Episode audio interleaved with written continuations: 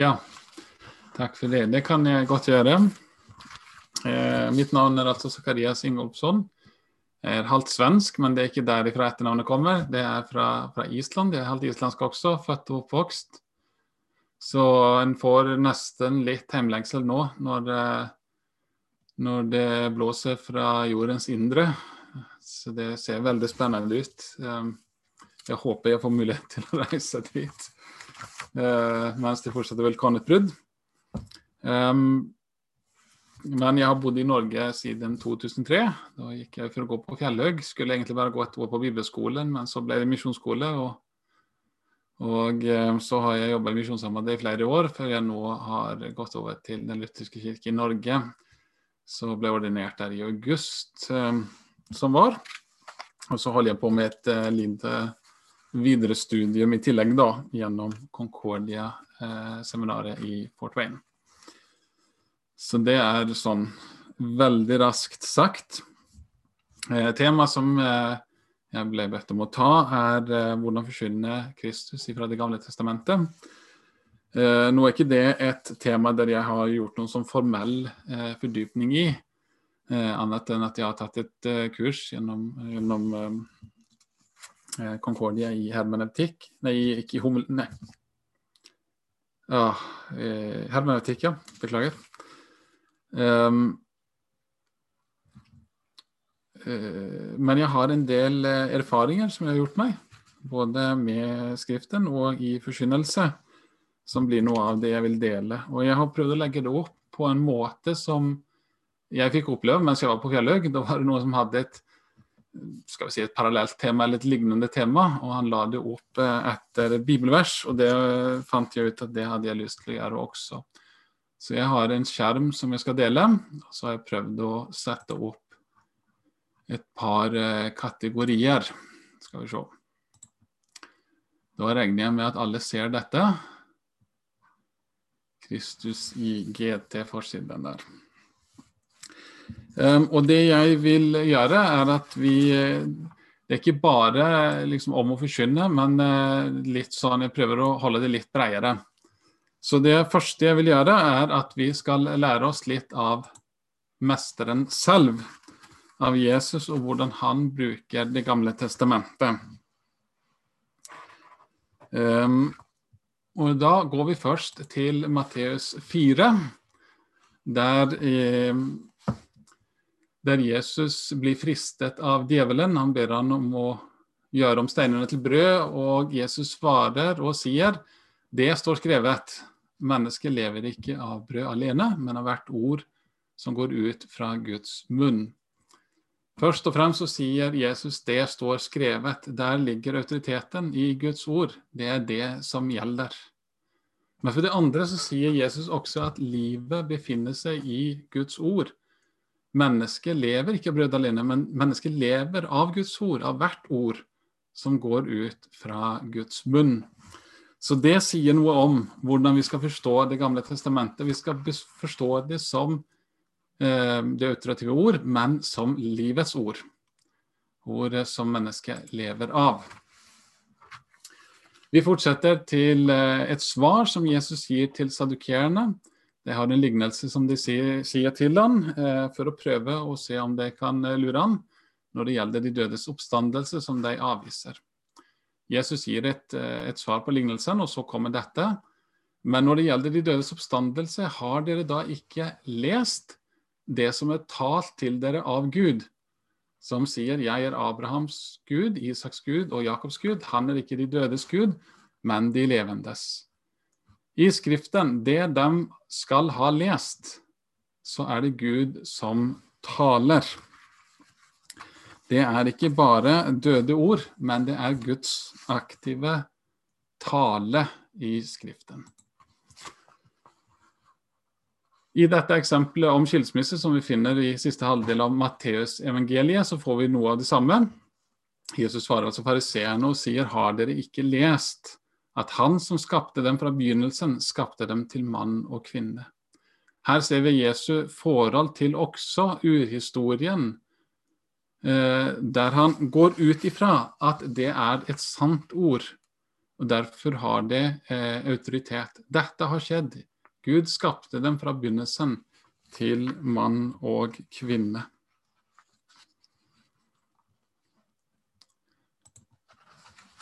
Enda et eksempel fra møtet med fariseerne her i slutten av Matteus-evangeliet. Her handler det da altså om Jesu fullmakt. Først var det jo et direkte spørsmål om det, og så er det da en videre samtale.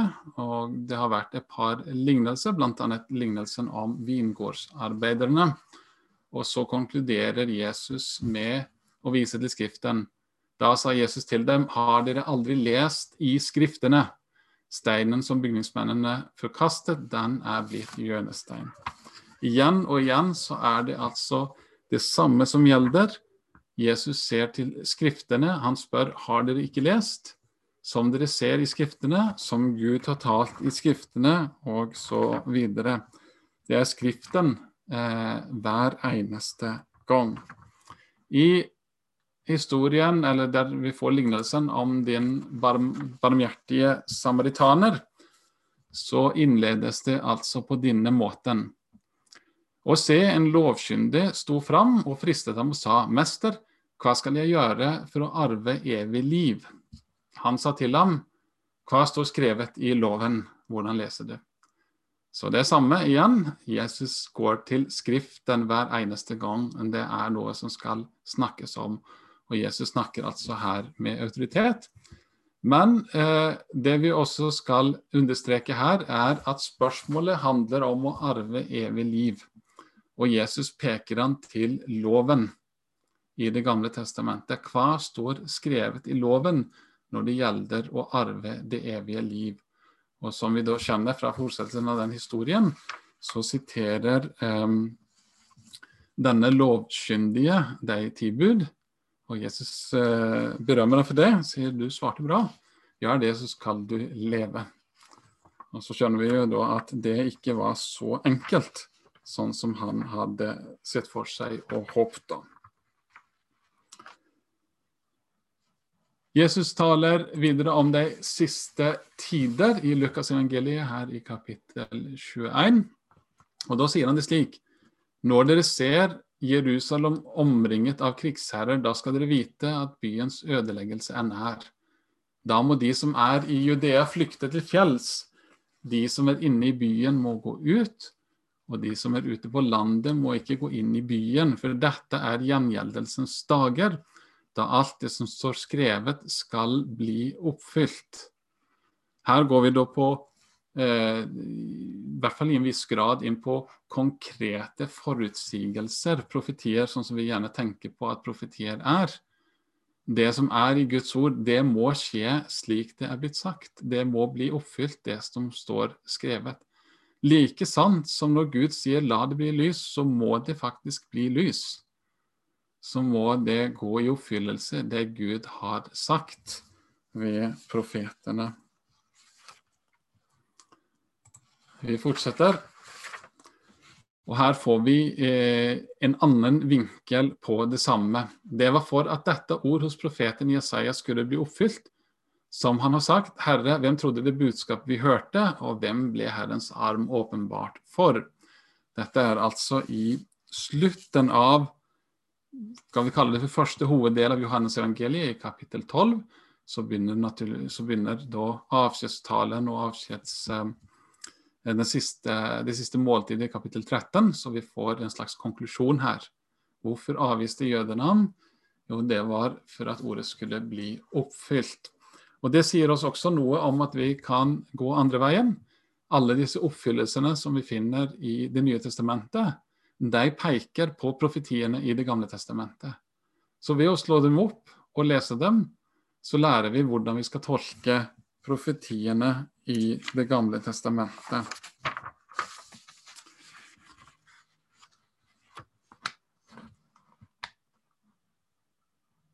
Så begynner vi å snakke om hva er innholdet i profetiene. Vi prøver å bevege oss fra én ting til en annen. Hva er innholdet i Det gamle testamentet? Jesus snakker til eh, jødene her i Johannes evangelium kapittel 5. Vi får en, eh, Den siste delen der handler det om ulike vitneutsagn om Jesus. Og Jesus sier til dem, dere gransker Skriftene fordi dere mener at dere har evig liv i dem. Og disse er det som vitner om meg. Jesus anerkjenner dem for det han allerede har sagt, at der er svaret på spørsmålet om liv og død. Det gransker skriftene, det er riktig. Men det er de som vitner om Jesus, sier han. Og hvis de trodde Moses, hvis dere, hadde, hvis dere trodde Moses, så hadde dere trodd meg. For det er meg han har skrevet om. Men hvis dere ikke tror hans skrifter, hvorledes kan dere da tro mine ord? Det er ikke to forskjellige guder i Det gamle og Det nye testamentet, det er én Gud. Han er den samme eh, i går, i dag og til evig tid. Han er konsekvent, selv om vi ser forskjeller mellom Det gamle og Det nye testamentet.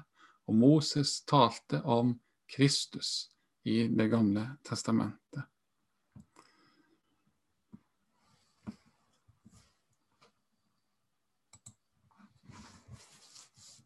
Her har vi enda mer om hva som er skrevet. Her er det spørsmål om Johannes, men Jesus legger inn noe om seg selv. Han svarte dem Elias kommer først og setter alt i rette stand. Og hvordan står det skrevet om menneskesønnen?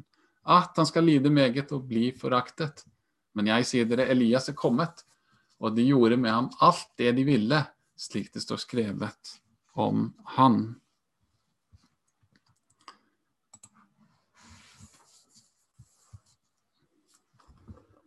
Vi nærmer oss nå det som er ofte tatt fram som det sentrale når en snakker om hvordan skal en forstå Det gamle testamentet. Uh, vi har noen vers, det er klart det er fra Johannes som vi allerede har tatt. Uh, og så har vi et par her fra slutten av Lukas evangeliet. Da sa han til dem, så uforstandige dere er, og så trege i hjertet til å tro alt det som profetene har talt. Måtte ikke Messias lide dette, og så gå inn til sin herlighet. Og han begynte fra Moses og fra alle profetene og utla for dem i alle skriftene det som er skrevet om ham. Jeg sa jo ikke noe om konteksten her. Dette er jo selvsagt da eh, dagen som Jesus står opp fra de døde i slutten av Lukas evangeliet.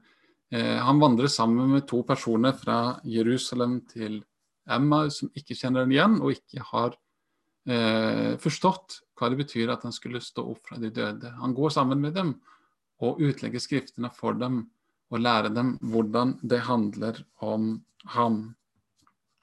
Dette viser oss eh, med klare tegn at i hele Det gamle testamentet skal vi se etter Kristus.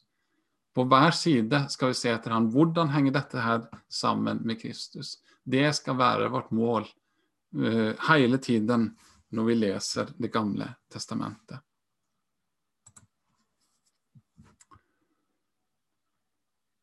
Så hva skjer hvis en ikke gjør det? Her skriver Paulus om jødene som ikke eh, leser Det gamle testamentet i tro til Kristus. Og da bruker han bildet av Moses som hadde vært oppe på Sinai-fjellet. Og når han kom ned, så, så, var det et gjenskinn av Herrens herlighet, så han måtte legge et slør eller et dekke over ansiktet. Og Dette her eh, bildet bruker Paulus videre. Deres, dvs. Si jødenes, sinn er blitt forherdet.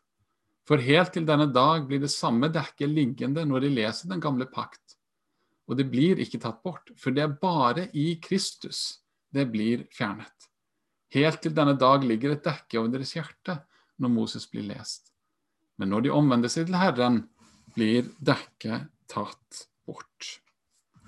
Uten en klar forståelse av Det nye testamentet og av Kristus er og blir Det gamle testamentet en lukket bok. Um, en, får ikke, en får ikke det livet som er i Det gamle testamentet, hvis en ikke tror på Kristus. Og dette kan bare læres i Den hellige ånds skole ved tro. Uten tro på Kristus kan en altså ikke se det. Så la oss oppsummere litt om hvordan vi skal forkynne i, fra Det gamle testamentet ut ifra disse tekstene. For det første så forkynner vi da i full overbevisning om at det er den levende Gud som taler i Det gamle testamentet.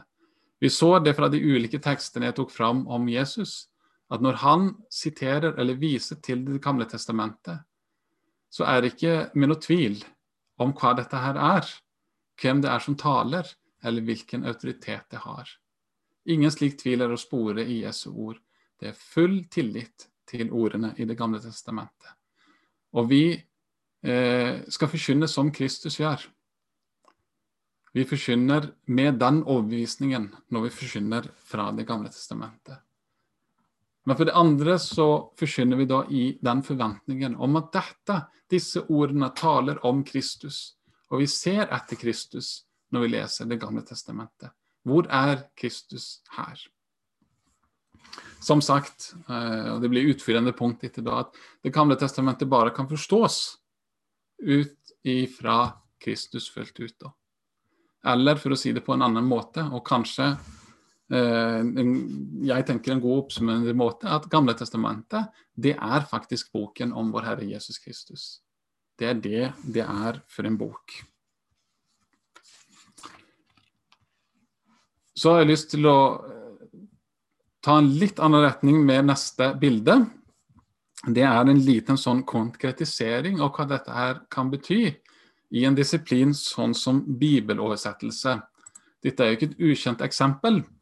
Ifra, eh, et sitat fra Jesaja 7,14. Se, jomfruen skal bli med barn og føde en sønn, og de skal gi ham navnet Immanuel. Det betyr med oss er Gud.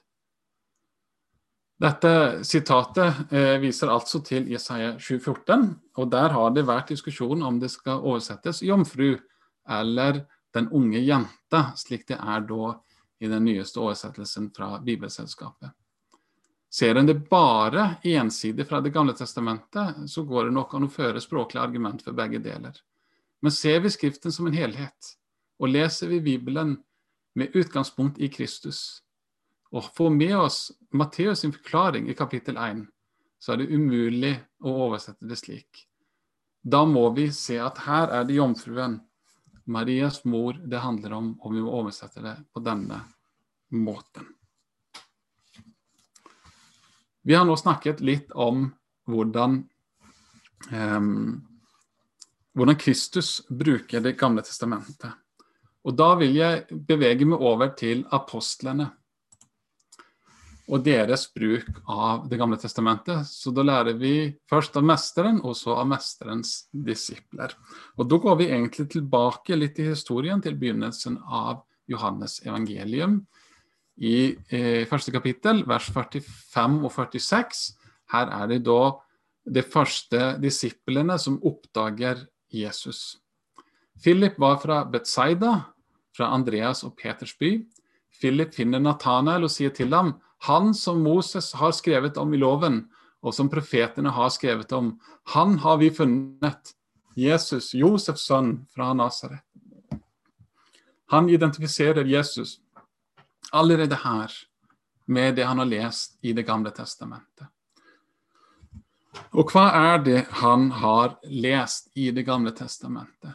Trolig er dette her et sitat fra Eller en, en, ikke et sitat, men en, en trolig peker den her da f.eks. på 5. Mosebok kapittel 18, eh, det kjente versene om profeten. En profet av, ditt, av din midte, av dine brødre, like som meg, skal Herren din Gud reise opp for deg. Og ham skal dere høre, slik som du ba Herren din Gud ved Horeb den dagen dere var samlet, samlet der, og du sa, jeg kan ikke lenger høre Herren min Guds røst, og denne store ilden kan jeg ikke lenger se på, for da må jeg dø.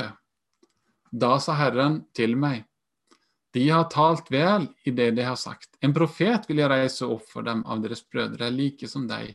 Jeg vil legge mine ord i hans munn, og han skal tale til dem alt det jeg byr ham. Disse versene tolker Det nye testamentet som at det handler om Jesus. Derfor har jeg uthevet de røde ordene der. I møte med den levende Gud så sier de jeg kan ikke lenger høre på Herre min Guds røst, og denne store ilden kan jeg ikke lenger se på, for da må jeg dø.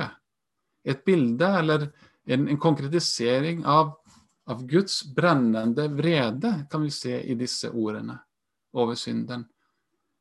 Når en møter Gud uten Kristus, så møter vi en farlig Gud. Derfor har han kledd seg i kjøtt og blod. Derfor er Kristus sendt til oss for å stille seg mellom, for å ta på seg Guds vrede og være vår mellommann til evig tid.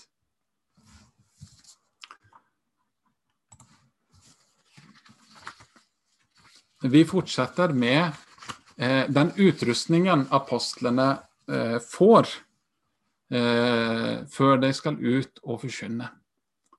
Så sa han til dem, dette er mine ord som jeg talte til dere mens jeg ennå var hos dere, at alt det måtte oppfylles som er skrevet om meg i Moselov og profetene og salmene.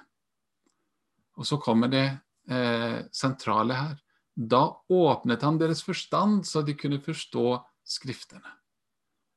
Jesus åpna forstanden deres sånn at Det gamle testamentet skulle bli ja, åpenbart for dem, da. Sånn at de skulle forstå det de leste, sånn at de kunne tolke det rett. Og de skulle tolke det for at de skulle kunne forkynne det. Og han sa til dem, så står skrevet at Messias måtte lide og oppstå fra de døde tredje dag, og at i hans navn skal omvendelse og syndenes forlatelse forkynnes for alle folkeslag fra Jerusalem av. Og vi syns kanskje det er vanskelig å se at disse ordene står noen plass i Det gamle testamentet. Jo, vi kan jo si Jesaja 53 er enkelt. At Jesus måtte lide, og kanskje at han måtte dø. Det kan vi forstå. Vi har også bilder fra påskelammet som hjelper oss med det. Men hvor står det at han skulle oppstå fra den tredje dag? At det skal, eh, i hans navn skal omvendelse og syndenes forlatelse forkynnes? Jo, kanskje vi kan finne um, uh, en antydning til det i sitatet sånn som er i Romerne 10. Men akkurat dette, at han skal stå opp tredje dag, hvor står det? Og det tolker apostlene for oss. Her har vi fra Peters pinsetale i kapittel 2, etter at de hadde tatt imot utrustning fra det høye, Den hellige ånd. Han, Kristus, oppreiste Gud i det han løste dødens veer. For det var umulig for døden å holde ham fast, for David sier om han, Jeg hadde alltid Herren for mine øyne. For han er ved min høyre hånd, så jeg ikke skal rokkes. Derfor gledet mitt hjerte seg, og min tunge jublet. Ja, selv mitt kjød skal legge seg til hvile. For du vil ikke forlate min sjel i dødsriket, heller ikke vil du overgi din hellige til å se tilintetgjørelse. Du kunngjorde meg livets veier. Du vil fylle meg med glede for ditt åsyn. Så får vi altså Peters utleggelse av dette verset som han nå har sitert. Brødre, La meg tale med frimodighet til dere om patriarken David. Han både døde og ble begravet, og hans grav er her hos oss den dag i dag. Men fordi han var profet og visste at Gud med ed hadde lovet å sette en av hans etterkommere på hans trone, så var det Messias oppstandelse han forutså og talte om da han sa at hans sjel ikke ville forlatt i dødsriket, og at hans kjød heller ikke så tilintetgjørelse.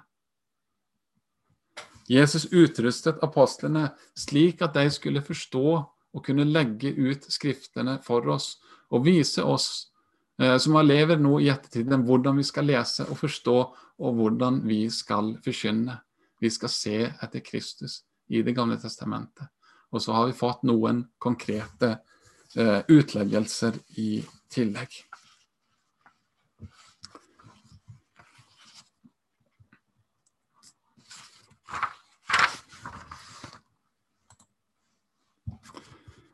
Jeg tar bare sånn stikkordsvis her noen flere eksempler. Vi har f.eks.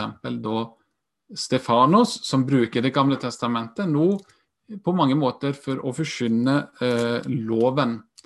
Han viser eh, flere eksempler på hvordan fedrene har stått Den hellige ånd imot, og så sier han det gjør også dere nå. Jeg tar det med for ordens skyld. Paulus han overbeviser om at Jesus er Messias. Dette nevnes flere ganger i apostelens gjerninger. Eh, i hans forkynnervirksomhet. Og det gjør han åpenbart også ifra skriftene. Og så får vi dette interessante møtet når Paulus kommer til Berøa, og jødene som hører han gransker skriftene for å se om det faktisk stemmer, det som eh, Paulus eh, forkynner.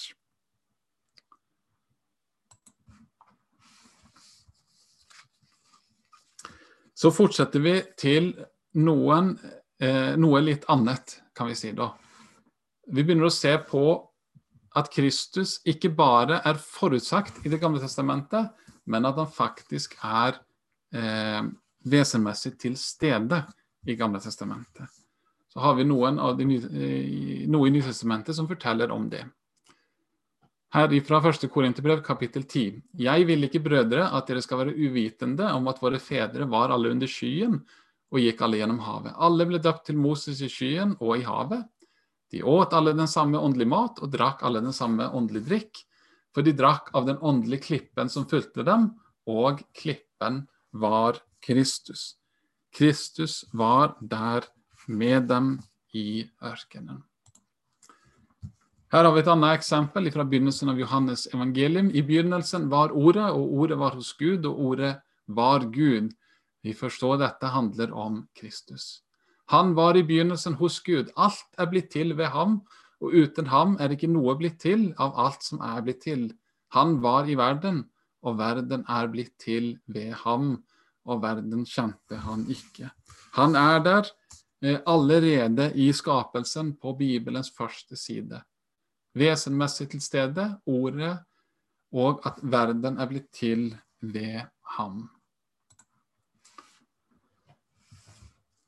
I Hebreerbrevet i kapittel 10 finner vi et eksempel på at Jesus taler i Det gamle testamentet. Dette er et sitat, sitat fra Salme 40. Um, og um, her er det sitert fra Septuaginta. Uh, det er en liten tekstforskjell mellom Septuaginta og Masoret-teksten. Derfor sier han, dvs. Si Kristus, når han trer inn i verden, offer og gave vil du ikke ha, men et legeme dannet du for meg. Brennoffer og syndoffer hadde du ikke lyst til. Da sa jeg, se, jeg kommer, i bokrullen er det skrevet om meg, for å gjøre din vilje, Gud. Her taler Kristus eh, direkte i Det gamle testamentet. Så la oss proklamere at profetiene virkelig er oppfylt i Kristus, de vi finner i Det gamle testamentet. Og at Gud har fortalt, fortalt, om Jesus også gjennom forbilder. Og vi skal se noen eksempler på det eh, etterpå. Eh, hendelser som skjer eh, for å gi oss dette budskapet som er en teskjed gjennom historien. Og til slutt at Kristus virkelig er til stede vesenmessig i Det gamle testamentet. Noen konkrete eksempler rett fra Det gamle testamentet. Bibelens første side, vi måtte jo dit når vi har snakka om det. I begynnelsen skapte Gud himmelen og jorden. Og Jorden var øde og tom, og det var mørke over det store dyp. Og Guds ånd svevet over vannene, og Gud sa, la det bli lys, og det ble lys. Det er ikke slik at det er Faderen som vi møter i Det gamle testamentet, og Sønnen i det nye men sønnen er der hele veien, som jeg har sagt. Nå er, skal jeg innrømme at eh, jeg skulle ha tatt vare bedre på hebraisken min fra jeg, fra jeg slutta på seminaret. Eh, så jeg er ikke noen god autoritet på det. Men så fast mye forstår jeg at når vi leser ordet Elohim, så leser vi et ord som står i flertall. Eh, det går an å forklare på mer enn én en måte. Men det er et hint om treenigheten allerede i navnet på Gud. Her har vi også først ordet Gud, så ordet ånd, og så har vi da Guds ord når vi leser i lys av Johannes 1. Fader, Sønn og Hellig Ånd i de første tre eh, versene av Bibelen.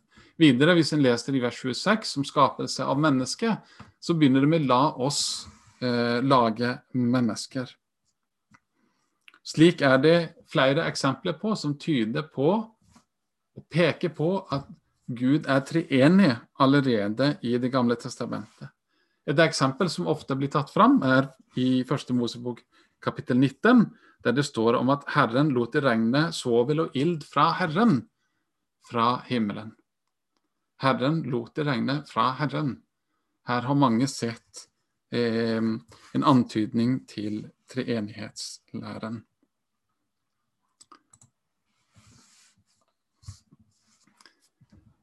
Når Moses var oppe på fjellet med Gud, så ønsket han å se Herrens herlighet. Han sa, 'La meg da få se din herlighet'.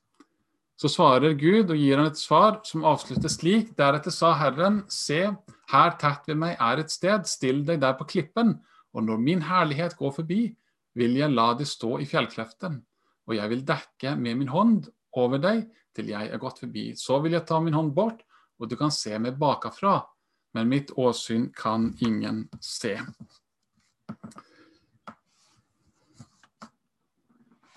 Johannes 1 forteller oss, eh, som mange andre vers, at ingen har sett Gud. Johannes 1, 18, er, eh, ingen har noensinne sett Gud. Den enbårne sønn, som er i Faderens favn, har forklart ham.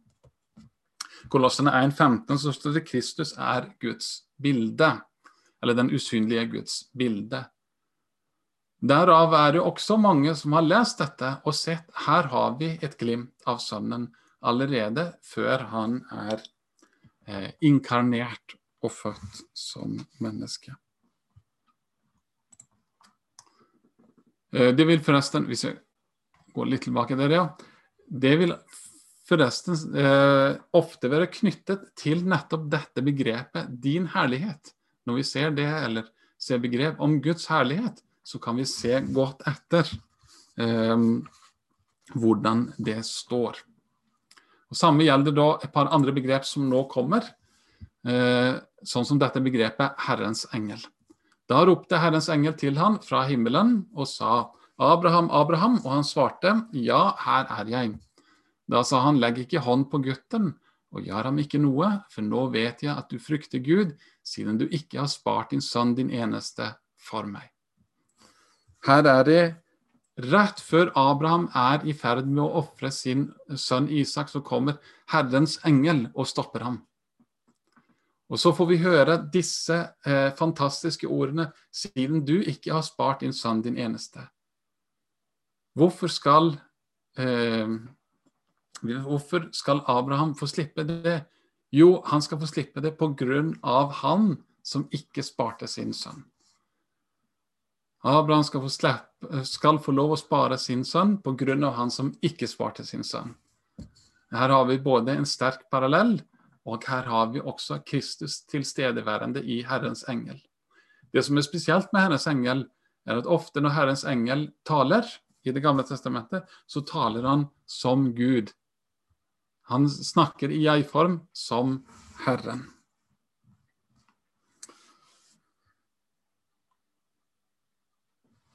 Vi eh, går videre. Her har vi åpenbaringen av Guds, Guds, navn, i, eller en fortsettelse av eh, åpenbaringen av Guds navn i, først, i andre Mosebok, skal vi si. Eh, åpenbaringen kommer jo på Sinai-fjellet i møte med den brennende busken. Og der er det jo også interessant at ut fra den brennende busken så står Herrens engel.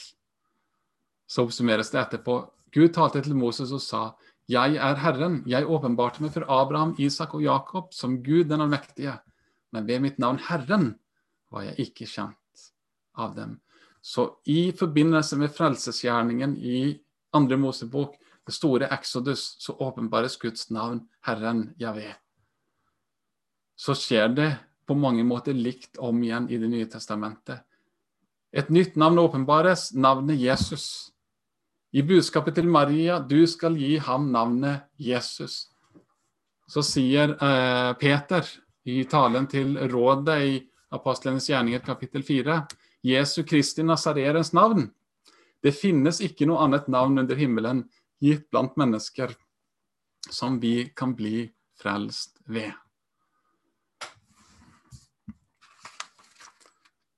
Vi får altså en, en, en kontrast da på en måte det, mellom Det gamle og Det nye testamentet. Det blir åpenbart Guds navn blir åpenbart i forbindelse med frelsen.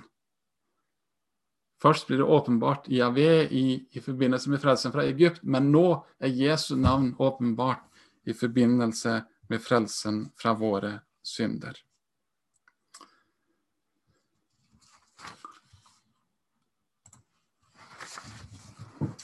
Vi fortsetter og ser etter et par til. Her ifra historien om Daniels venner i ildsovnen. De nektet å bøye seg for den store statuen til kong Nebukadneser, og han ble rasende og kastet dem inn i en ildsovn som var fyra så varm at fangevakterne som skulle kaste dem inn, brant opp på veien. Så kikker Nebukadneser inn i ovnen, og så står det sånn. Da ble kong Nebukadneser forferdet og reiste seg brått opp. Han tok til orde og sa til sine rådsherrer, kastet vi ikke tre menn bundet inn i, i, i ilden? Da de svarte kongen, jo visst, konge. Han tok da igjen til orde og sa, men jeg ser fire menn som går løse omkring midt inne i ilden, og det er ingen skade på dem, og den fjerde ser ut som en gudesønn. Igjen har vi et eksempel der mange har sett eh, en åpenbaring av Kristus. Han står der og frelser sine fra ilden. Som et forbilde på at han står sammen med oss og frelser oss fra den evige ild. La oss da eh, prøve å konkludere og trekke trådene sammen. Først et par fallgruver. I min oppvekst eh, så merket jeg allerede disse to tendensene, kan vi si, i møte med Det gamle testamentet. På den ene siden, det jeg nå kaller praktisk markionisme, det er ikke noe faglig begrep, bare noe som jeg har, en merkelapp jeg har laget til det, og på den andre siden praktisk judaisme. Praktisk markionisme, vil si at en kobler Det gamle testamentet helt ifra Det nye testamentet. En leser ikke testamentene sammen, en lar dem ikke avhenge av hverandre.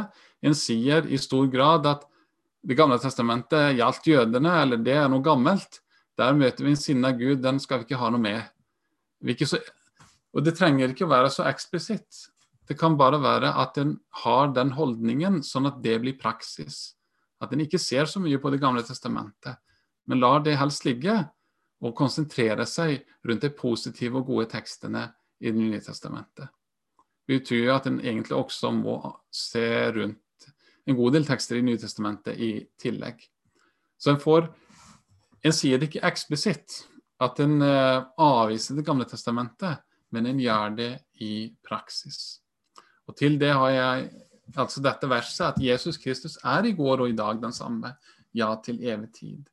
Vi blir nødt til å se på hele Bibelen som én bibel. Det nye testamentet er fullt av sitat til Det gamle testamentet. Det henger sammen på en måte som er uløselig. Vi kan ikke leve uten Det gamle testamentet. Men så har vi det jeg da kaller for praktisk judaisme, der en ser på Det gamle testamentet eh, i større eller mindre grad som en lovbok. Eh, og der en tenker at en kristen skal først og fremst følge disse lovene. En leser, en forteller en historie om kong David, og så sier en hvordan kan vi være som kong David? En forteller om David og Goliat, og så sier han har du en Goliat i ditt liv som du må kjempe med? En, eh, en eh, leser om Elia i ørkenen, eh, i den store tørken, og så sier han er det en årstid med tørke i ditt liv? Hvor skal du gå for å finne vann? Hva kan du si for å binde ende på tørken? En bruker det gamle testamentet som en kilde til allegorier for å få eh, endra handlingsmønstre til eh, personer. Eh, I verste fall så bruker en det da altså for å få øke tienden, hvilket jo finnes en god del eksempler på. Men jeg ser altså disse to hovedfallgruvene, en praktisk markionisme, der en kobler GT helt bort eh, og ikke vil se på det, eller da at en ikke klarer å skjelne rett mellom det gamle og det nye. Så eh, siste arket her. Kristus i Det gamle testamentet. Hele historien om Kristus den bygges opp mot tidens fylde, det øyeblikket når Jesus skulle komme. Og gjennom hele denne historien så blir altså eh, så blir budskapet om Kristus blir gitt oss litt etter litt, som med en teskjed. Og, det skjer gjennom bilder og forbilder og profetier. Tenk f.eks. læren om Jesu fødsel av jomfru Maria. Vi var innom dette her når vi jobba med teksten i forrige uke. Vi har historien om, om Sara som får Isak når hun er 90 år. Vi har Hanna vi har, vi har, Lea og Rakel, for så vidt begge to, som, som uh, ikke kan få barn en tid. Vi har, uh, vi har, flere gjennom historien, og så kommer vi til slutt til eh, Elisabeth, før vi da kommer til Maria. Budskapet er gitt med teskjed opp gjennom historien. Dette er et mønster som du skal forvente deg av Gud. Og så kommer vi helt til Kristus. Da skal det ikke være uventet, men du skal kjenne det igjen når du hører historien om jomfru Maria. Slik kan vi, slik kan vi finne mange eh, eksempler på Tenk Babels tårn.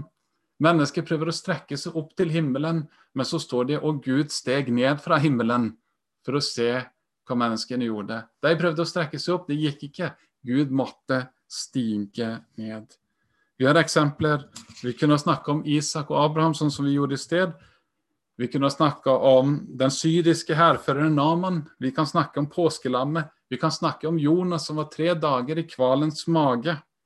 Vi kan snakke om bronseormen i ørkenen. Hele tiden så gis biter av det kristne budskapet med en teskje opp gjennom historien, slik at vi skal være klare når budskapet om Kristus kommer.